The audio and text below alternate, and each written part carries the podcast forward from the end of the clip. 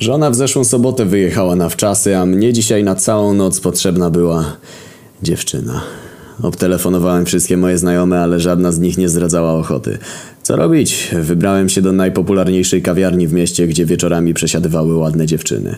Bajka o tej porze była prawie pełna. Gwar młodzieńczych głosów zagłuszał nawet potężne decybele grającej szafy. Na parkiecie rock'n'rollowało kilka rozbawionych par.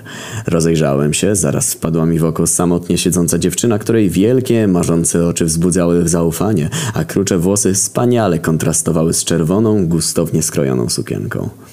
Czy mogę się dosiąść? Popatrzyła na mnie niechętnie, ale skinęła głową. Zgarnęła też zaraz parę drobiazgów do torebki, jakby dalszy jej pobyt w kawiarni nie miał większego sensu. Oj, chyba trudno z nią będzie, pomyślałem nieco zdeprymowany, jako że pora była dość późna. Jeżeli mi z tą dziewczyną nie wyjdzie, no to klops. Postanowiłem wtedy bez zwłoki przystąpić do akcji. Umówiłem się tutaj z kimś, ale nie przyszedł, a pani? Co ja? Obrzuciła mnie niedbałym spojrzeniem. Pani też czeka na kogoś? Tylko na kelnerkę, odparła ironicznie. Zaraz zapłacę i będzie miał pan cały stolik do dyspozycji. Zrobiło mi się nieprzyjemnie i tak nieprzyjemnie, że nawet ryk grającej szafy nie był w stanie zagłuszyć mego zmieszania. Nie od razu też zauważyłem, że od któregoś z sąsiednich stolików oderwał się nabuzowany wińskim typ i bezceremonialnie zawisł nad naszym stolikiem. Zatańczyły? Dostrzegłem w jej oczach najpierw zdumienie, a potem strach. Pani jest ze mną, uniosłem się z krzesła, właśnie idziemy na parkiet.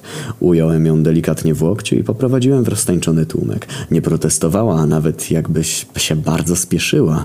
Ogarnęła nas melodia czacza. Proszę wybaczyć, że postąpiłem tak bezceremonialnie, ale nie było innego wyjścia.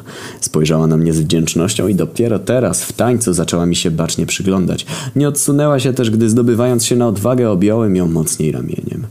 Pan jest bardzo miły, powiedziała. To ja zachowałam się wobec pana opryskliwie, ale istotnie czekałam tu na kogoś, kto uczynił mi duży zawód. Teraz już mi przeszło.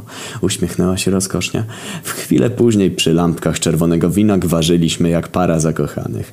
Wiesz, powiedziała w pewnej chwili, ten podpity typ znowu nas obserwuje. Wyjdźmy stąd bez awantury. Udaliśmy się do szatni. Mam myśl, zacząłem nieśmiało, ale błagam, nie pomyśl sobie czegoś złego. Chciałbym cię zabrać do siebie na kolację. Dziewczyna jakby zesztywniała, nawet odsunęła się ode mnie. Oczywiście, ciągnąłem beztrosko, zrozumiem, jeśli odmówisz. Żadna sprawa. Gdybyś jednak znała moją płytotekę, to ho, ho, mam całego Beethovena, Bacha, Pendereckiego, a nawet trio jazzowe Walina. Masz Walina? Mam. Nawet ostatnie nagrania. Strange Brews, Easy Money, Strike Out the Band. Ale moi rodzice, masz tu telefon. Uprzeć, że wrócisz później. Zadzwoniła z szatni do domu, że uczy się z jakąś Jolką i wróci późno. Wolisz, mamo, żebym zanocowała Jolki? W porządku, jeśli oczywiście nie przerobimy całego materiału. Teraz ja zesztywniałem, kłamała jak znud. Popędziliśmy do mnie, byłem szczęśliwy i ręce mi drżały, kiedy przez dobrą chwilę mocowałem się z zamkiem u drzwi. Ledwie je otworzyłem i już na szyję rzucił mi się mój mały syn. Tatusiu, tatusiu, dobrze, że jesteś, bo pani Genovefa musiała dzisiaj wyjść wcześniej.